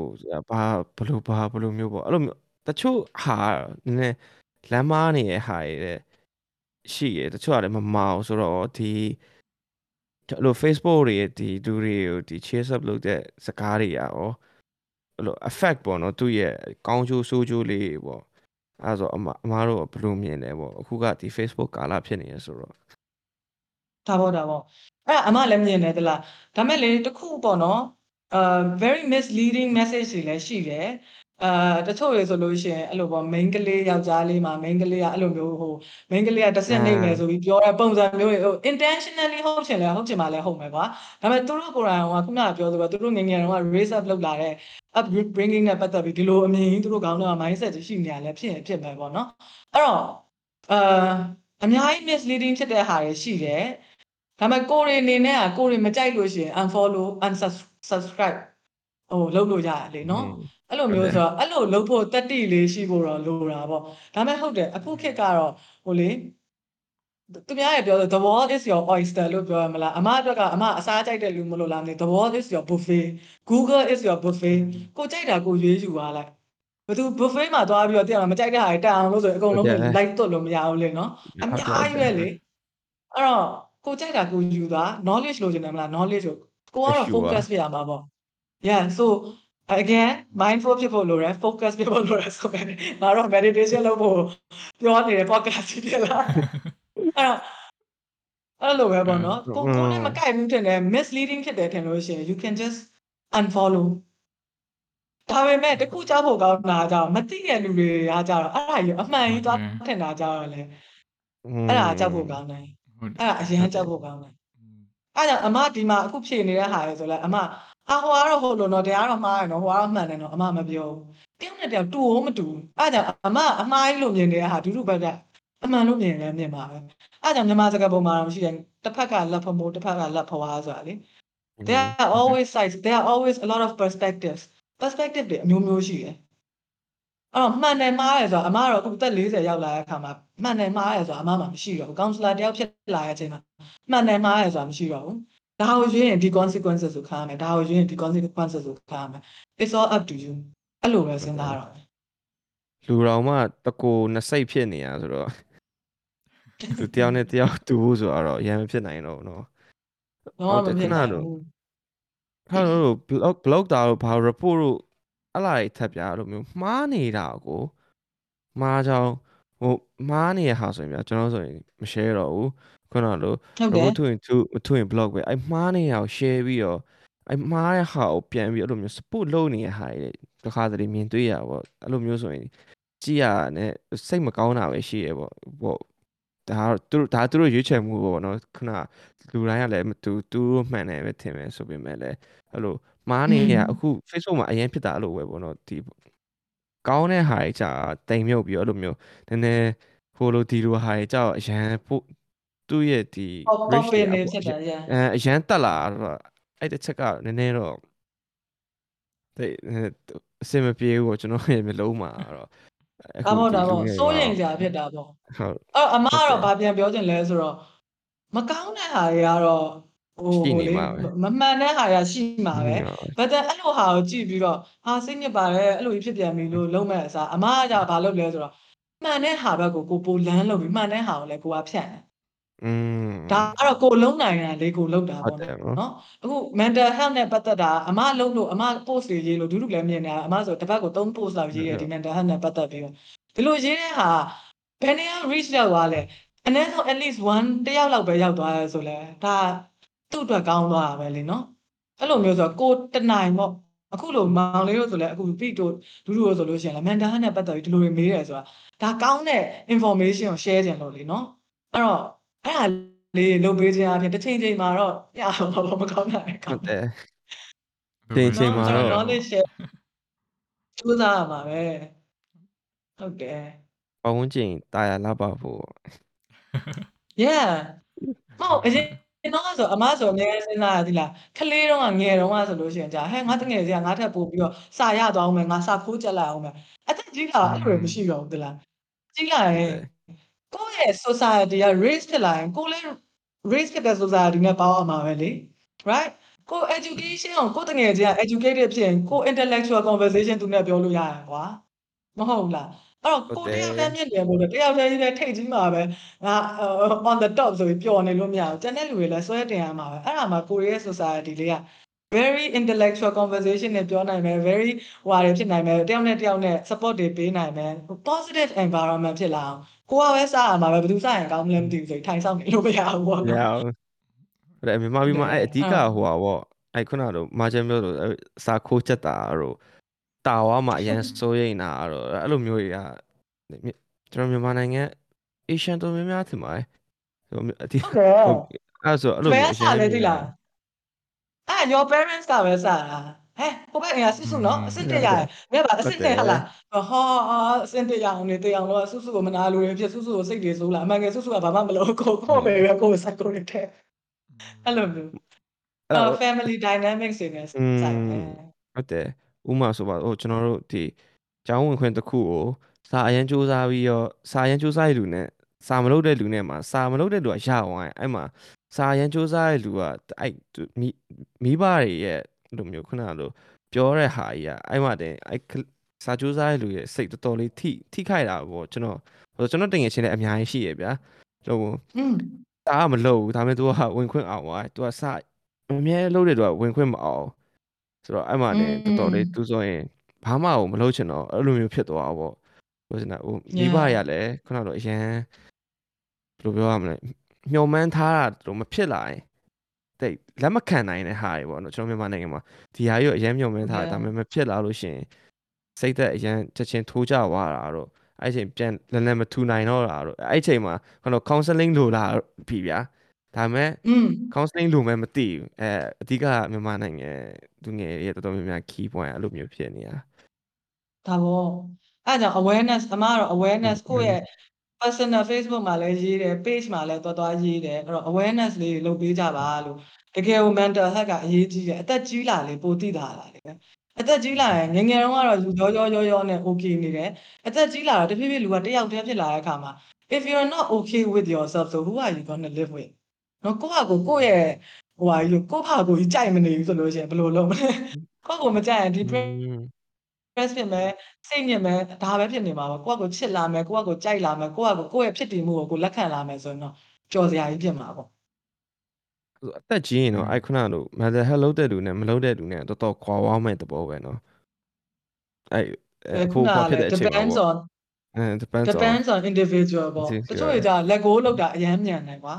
လက်ကိုလုံနိုင်တယ်ကွာတခုကိုအဲ့လို hold on မလုပ်တတ်တဲ့လူတွေကြာလည်း maybe သူတို့ကပြောရင်ပြောနေမှာတချို့တွေကြာမဟုတ်ဘူးအမှတ်သေးတွေရှိပြီးအမှတ်တညာအရန်ကောင်းတဲ့လူတွေကြာလည်း maybe they will ပို့ပြီးတော့ suffer ဖြစ်မှာอืมဆိုတော့တယောက်နဲ့တယောက်တော့မတူဘူးအမကတော့အကုန်လုံးကိုဖြစ်နိုင်လို့ရှိရင်အကုန်လုံးကို counseling ကိုအနည်းဆုံး at least once or thrice နော်ဟို counseling ကကြာဆက်ဆက်ချင်းမှာကြာ ice breaking တွေလုပ်နေရတာများတော့တစ်ချိန်နဲ့နဲ့ကတော့တိတ်မသိနိုင်ဘူးအဲ့တော့ဟို နောက်နှစ်ချိန်သုံးချိန်လောက်လုပ်ကြည့်ပြီးရင် okay ငါစကားပြောလို့အဆင်ပြေတယ်အဆင်မပြေဘူးဒီလိုလေးတွေစဉ်းစားပြီးတော့လုပ်တော့ခုနကပြောဆိုပဲ the the choice is yours client လက်ထဲမှာ choice ရှိတယ် counselor နေမရအောင်နောက်ဘက်လာအောင်လာမယ်ဆရာဝန်လို့မဟုတ်ဘူးကွာသိလား ကောင်စလာ तू ပြောမှ तू ပြောမှစကားအထွက်မှာလေကောင်စလာကြီးကနားပဲထောင်မဲ့လူကာကန်ရှင်က client စီမှာပဲသူ့စီမှာကီးပဲ तू ပြောချင်နေပြီဆိုလို့ရှိရင်သွားလို့ရတယ်ဒါပေမဲ့ခုနကလိုဈေးနှုံးပေါ့ဈေးနှုံးကြတော့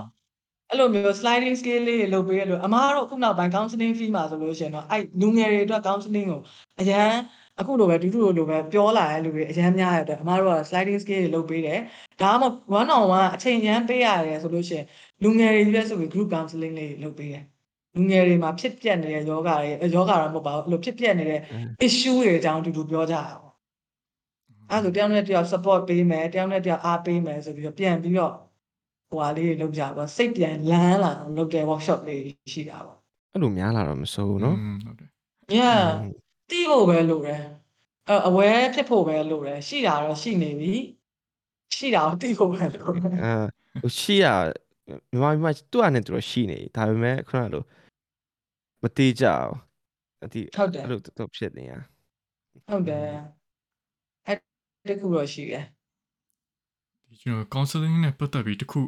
ဟိုစိတ်ထဲဟိုတွေးမိတာတခုပေါ့အဲ့ဒါမေးချင်တော့ဆိုတော့ကျွန်တော်လည်းခံစားရတယ်လူတော်တော်များများလည်းခံစားရတယ်အဲ့ဒါဘယ်လိုလဲဆိုတော့ခုနကကျွန်တော်တခါလဲမေးလိုက်တဲ့အရှိမအဲ counseling မှာစကားပြောရုံနဲ့ကောင်းသွားမှာလားဆိုတော့လေဘယ်လိုခံစားရလဲဆိုတော့တချို့လူတွေကအဖြေလိုချင်တဲ့လူတွေလည်းရှိတယ်ဘာကိုဘာလို့မှမသိတဲ့အချိန်မှာဘာလို့ step by step အဖြေကိုလိုချင်တဲ့လူလည်းရှိတယ် ဆိုတော့ counseling သွားရဲတည်မလားဒီစကားထိုင်ပြောနေရဲဒီ counselor အများသောအားဖြင့်သူကအဖြေမပေးဘူးလို့ကြားတယ်ပေါ့ဒီဟို။อืมဘယ်သူဘယ်သူမှဘာလို့ဘာဘာလို့ဘာလို့မပြောဘူးဒါပေမဲ့ဒီတိုင်းအတူတူရှာဖွေကြတာပေါ့တချို့လူတွေကကြောအဲ့အကိုဒါပေါ့စိတ်မရှိရဲ့ပုံစံလားအဲ့လိုမျိုးပေါ့သူကအဖြေလိုချင်တဲ့လူတွေလည်းရှိကြတယ်ဆိုတော့အဲ့လိုမျိုးကိုအမဘယ်လိုထင်လဲ ဟုတ်တယ်ဟုတ်တယ်နော်ဟိုလေ80%လောက်ကအဖြေလိုချင်လို့လာတဲ့လူတွေဟုတ်တယ်ဟုတ်တယ်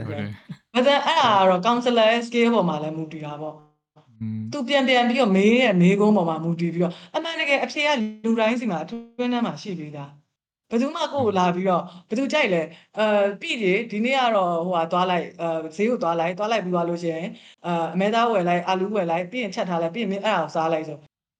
ဘာလို့အဲ့လိုခိုင်းလဲမသိဘူးအင်းစားတော့စားလိုက်မယ်လေဆိုတစ်ခါစားနောက်နေ့လည်းအဲ့လိုထပ်လို့နောက်တစ်ခါတည်း3 4 5ခါကြာဘယ်သူမှမလုပ်ချင်တော့ဘူးစားလားဆိုစားတယ်ပဲပြောလိုက်တော့တယ်ဒါပေမဲ့ဘာမှမလုပ်ဘူးသိရမလားอืมအဲ့လိုဆိုတော့တဖြည်းဖြည်းနဲ့တော့ counselor ဆွဲခေါ်ရတာပေါ့အဲ့တော့ကြာလာလို့ရှိရင်သူတို့တွေတဖြည်းဖြည်းနဲ့ counseling လုပ်လုပ်နဲ့တိလာတာဗာလဲဆို the answer is within me ဆိုတာတိလာကြတယ်တော်တော်များများကတော့လေအဲ့ခုနကပြောဖြေလို့ခြင်းတဲ့80%ကလည်း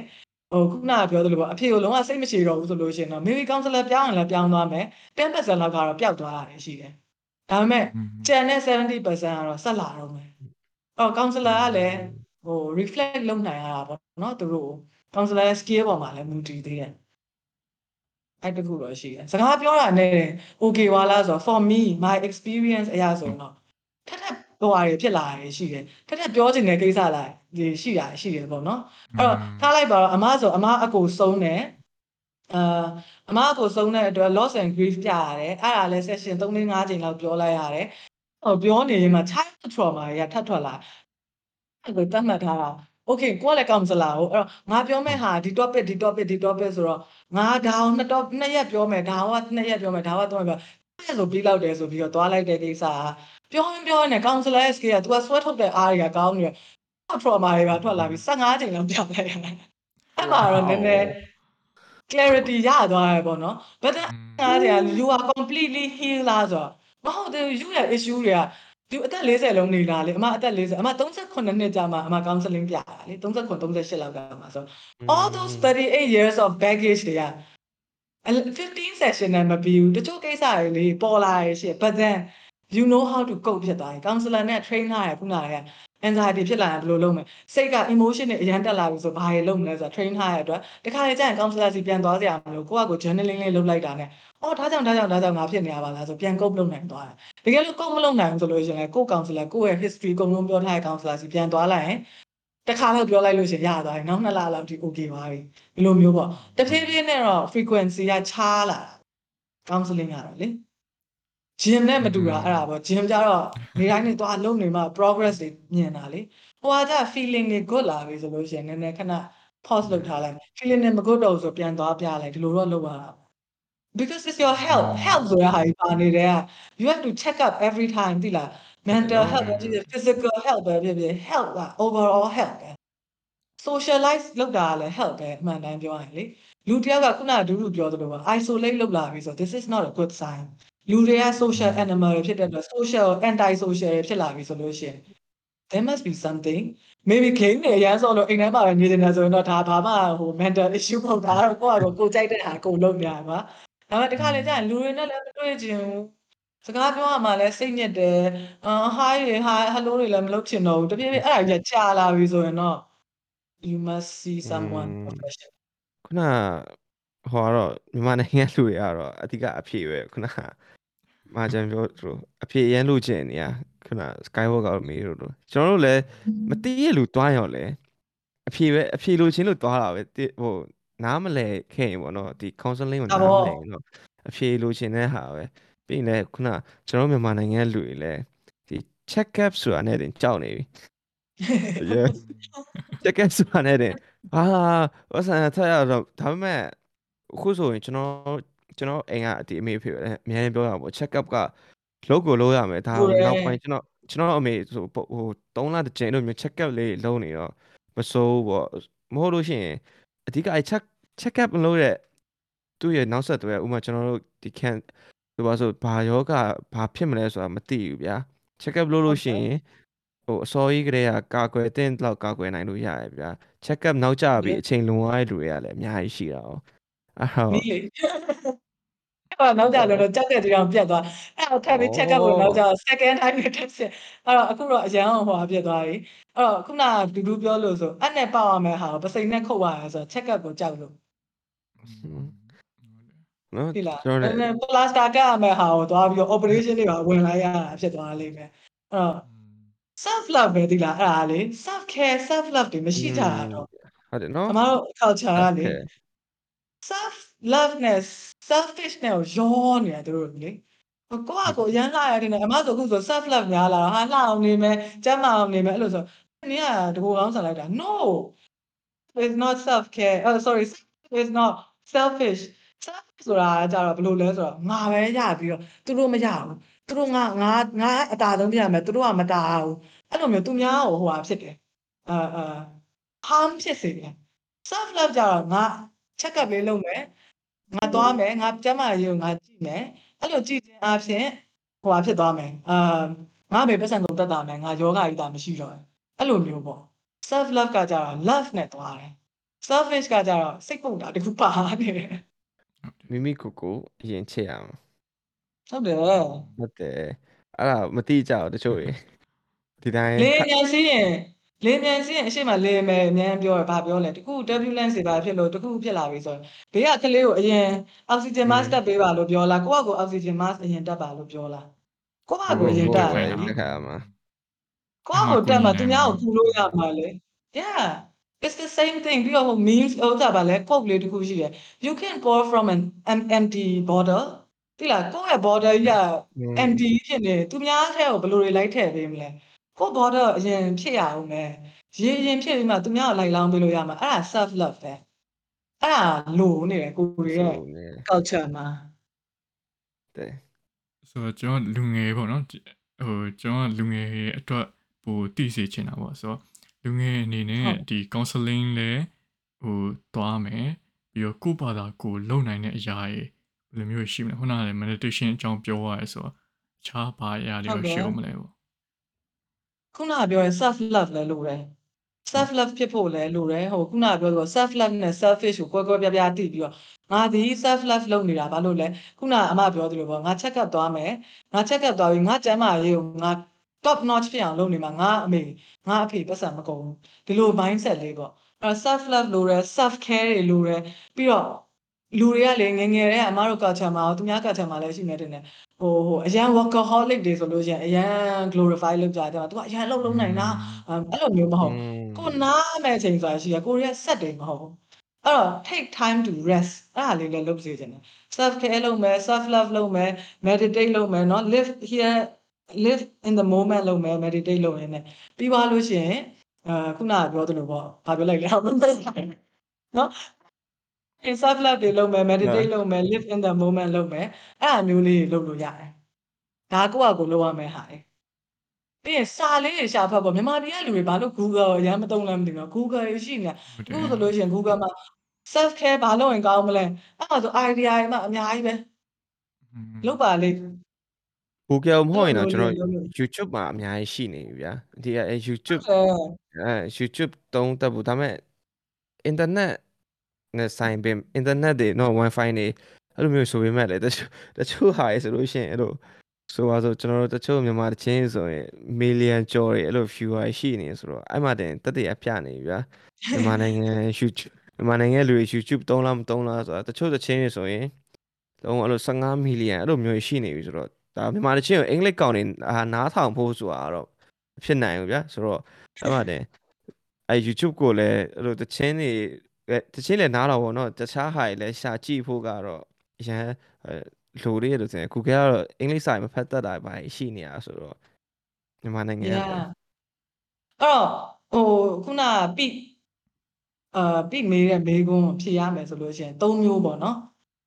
physical health mental health အခုဒူဒူပြောသွားတဲ့ဟာကိုပါဆက်ပြီးပြောရလို့ရှိရင် digital well being မှာလိုလာပြီကို อืม เนาะအဲ့တော့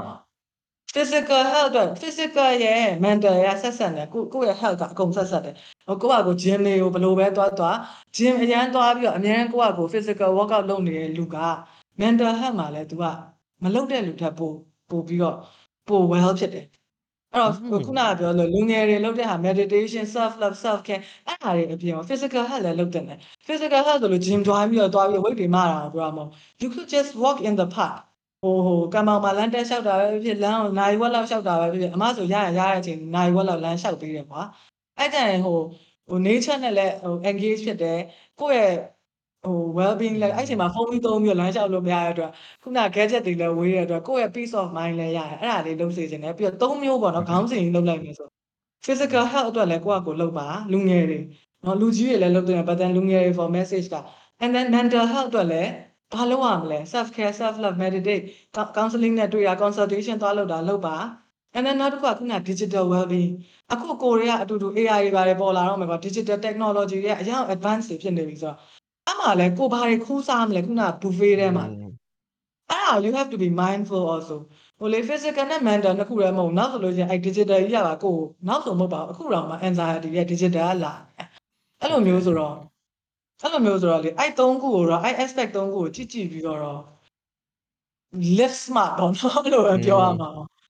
ဘာလို့လဲဆိုကိုမသိရင်တိတူဖော်စားသွားလိမ့်မယ်ကိုကမသိတူကြော်သွားကြီးဖြစ်သွားဟုတ်မှာဟုလေတ်တယ် yeah ဟုတ်တယ်အဲ့တော့ပေးတော့ပေးနေတယ်တစ်ကမ္ဘာလုံးက the world is your oyster ပဲ you have to know what to take and what not to take အဲ့ဒါပဲပြောချင်ပါတယ် โอเคဆိုတော့ဒီပေါ့နော်လူငယ်တွေကိုလည်းကျွန်တော်တို့ပေးချင်တဲ့ message လေးလည်းတော်တော်များများလည်းလို့မျိုးပြောပြီးပြီဆိုတော့ဥပမာဒီ mental health အခုမှ mental health ဖြစ်တဲ့ counseling ကိုအခုဂျိုင်နာထောင်ပြီးတော့တည်သွားပြီပေါ့နော် counseling ဆိုတာအဲ့လိုမျိုးအဖြေရှာတွေ့သွားပြီးအဲလုံးချင်ပါတယ်ပြီလုံးချင်ပါပြီတို့အဲ့လိုမျိုးတွေဖြစ်လာလို့ရှိရင်ပေါ့နော်ဆက်သွယ်ရမယ့်ဟာတွေပေါ့ဥပမာမာချန်မာချန်အခု counseling ဘိုင်းဆိုင်ရာအဲ့လိုမျိုးလေးလုပ်နေဆိုတော့ဒီလူငယ်တွေ လုပ်ချင်တယ်ဆိုလို့ရှိရင်ဘယ်လိုဘယ်နေရာမှာဆက်သွယ်လို့ရမလဲပေါ့ဟုတ်အဲ့မှာတော့လေ counseling services မြန်မာဆိုပြီးရိုက်ထက်လိုက်ရင် Facebook မှာတော့အများကြီးပဲဒါပေမဲ့အမကတော့အမတိပြီးတော့အမဟိုဟာလေအမ engage လုပ်ဘူးတဲ့လူတွေပဲ recommend လုပ်ချင်တာပေါ့နော်အမအနေနဲ့ဆိုလို့ရှိရင်တော့အမရှိမယ်ဟိုကတော့အမအမကတော့ဒီ open arms well-being services ဆိုပြီးအမကိုယ်တိုင်လုပ်နေတာရှိတယ် and then အမရဲ့ဆရာအ မရဲ့ဆရာတော့ counseling corner သူတို့ကတော့ဟိုပါပဲ number 1ပဲပြေးနေပါတော့သူတို့ counselor အများကြီးနဲ့လုပ်နေတာပေါ့နော်အဲ့တော့သူတို့တွေလည်းရှိတယ်ပြီးတော့အာအမရဲ့အမသွားပြရလို့အမတို့ counseling မှာကြာ dual relationship မရအောင်အမတို့ counseling corner မှာအလုပ်လုပ်နေတာဖြစ်တဲ့အတွက် counseling corner counselor တွေနဲ့ပြန်ပြီးတော့ပြလို့မရဘူးအဲ့တော့အမက counseling ယူချင်လို့ရှိရင်အပြင် counseling service မှာယူရတယ်အဲ့တော့အမ counseling service သွားယူတဲ့စီကိုလည်း recommend လုပ်လို့ရတယ်အဲ့ဒါတော့ metanoia ပေါ့နော် M E T A N O I A လို့ပေါင်းတယ်အဲ့မက်တနွားရကလည်းအမပြဘူးတဲ့အတွက်တည်တယ် counseling corner ကလည်းအဲ counselor တွေနဲ့ကိုယ်နဲ့ interest ဖြစ်တဲ့အတွက် recommend လုပ်ချင်တယ်ပြီးတော့ဟိုပါပေါ့အမတို့ open arm ရှိမယ်အဲ့ဒါတော့အမလုပ်နေတဲ့ဟာပြီးတော့နောက်တစ်ခုကအမနဲ့တိပြီးတော့အမတို့စာတွေပါတယ်သင်ပေးတဲ့ထဲမှာပါတဲ့ serenity ဆိုတာလည်းရှိတယ် S E R E N I T Y serenity counseling ဆိုတာလည်းရှိတယ်အဲ့သုံးခုတော့အမ recommend လုပ်ချင်တယ်လေးခုပေါ့နော်ကိုဟာပါလို့ရှိရင် okay ပေါ့အဲ့ဆိုလို့ရှိရင်ဒီအခုပေါ့နော်အနှစ်ချုပ်အနေနဲ့ခုနကလည်းပြောစရာရှိရအများကြီးပြောပြီးသွားတယ်ကျွန်တော်တို့ဒါပေမဲ့ဟို page နဲ့ message ပေါ့နော်ဒီခုကျွန်တော်နားထောင်နေတဲ့ audience ကို message ကတော့အများကြီးပေးပြီးသွားပြီဆိုတော့ခုနောက်ဆုံးနောက်ဆုံးပိတ်လို့မျိုး page နဲ့ message လေး last ပေါ့ message the last ပေါ့ the last the last message ကတော့အမကခုနကပြောတဲ့ message ပဲ the last message ကတော့ခုနကပြောတဲ့သုံးခုပဲတလား physical health လည်းကြည့်ပါ mental health mental well-being လည်းကြည့်ပါ physical well-being လည်းကြည့်ပါ digital well-being လည်းကြည့်ပါဘာလို့လဲဆိုတော့ဒူဒူခုနကပြောဆိုပဲ digital well-being လည်းလိုတယ် a lot of shit post တွေပြောရမှာပေါ့နော် a lot of misinformation တွေ a lot of shit post တွေကလည်းအများကြီးပဲဖြစ်လာတဲ့အခါမှာကိုယ့်ခေါင်းကို ဘာတွေဘာတွေအတွက် space ပေးမှလဲဆိုရဟာလေ mindful ဖြစ်ဖြစ်လေးစဉ်းစားပြီးတော့အမဆိုအရင်တော့ဆိုတိတ်ကြိုက်တာအဲ့လိုမြန်မာဇလန်တွဲတွေလေဟိုဟိုလိုမျိုးတိတ်ကြိုက်တာဆိုပြီးတော့အဲ့လိုကိုရီးယားဇလန်တွဲလိုထိုင်ကြည့်တာမဟုတ်ဒါပေမဲ့ဟို Facebook မှာဆိုကြော်ကြော်ကြည့်တာလေဟိုဘက်ကကြော်ညာလေးကြည့်လိုက်ဒီဘက်ကအခုနောက်ပိုင်းဟို counseling တွေပါတယ်လုပ်ပြီးတော့ပြပြီးတော့ heal ဖြစ်လာတဲ့အချိန်မှာကြာဘာဖြစ်လာလဲဆိုတော့ငါခေါင်းထဲကိုဓာကြီးတွေထည့်ခံပါလားဒါမှမဟုတ် like more important information တွေထည့်ခံပါလား အဲ့လိုလေးစဉ်းစားပြီးတော့သွားကြရင်တော့ပိုကောင်းတယ်ပေါ့နော်အစားတိုင်းလည်းအဲ့လိုပဲခုနက physical well being အတွက်လမ်းဘေးကဝတ်သားတို့ကိုစားခြင်းနဲ့ပတ်သက်ပြန်စဉ်းစားလိုက်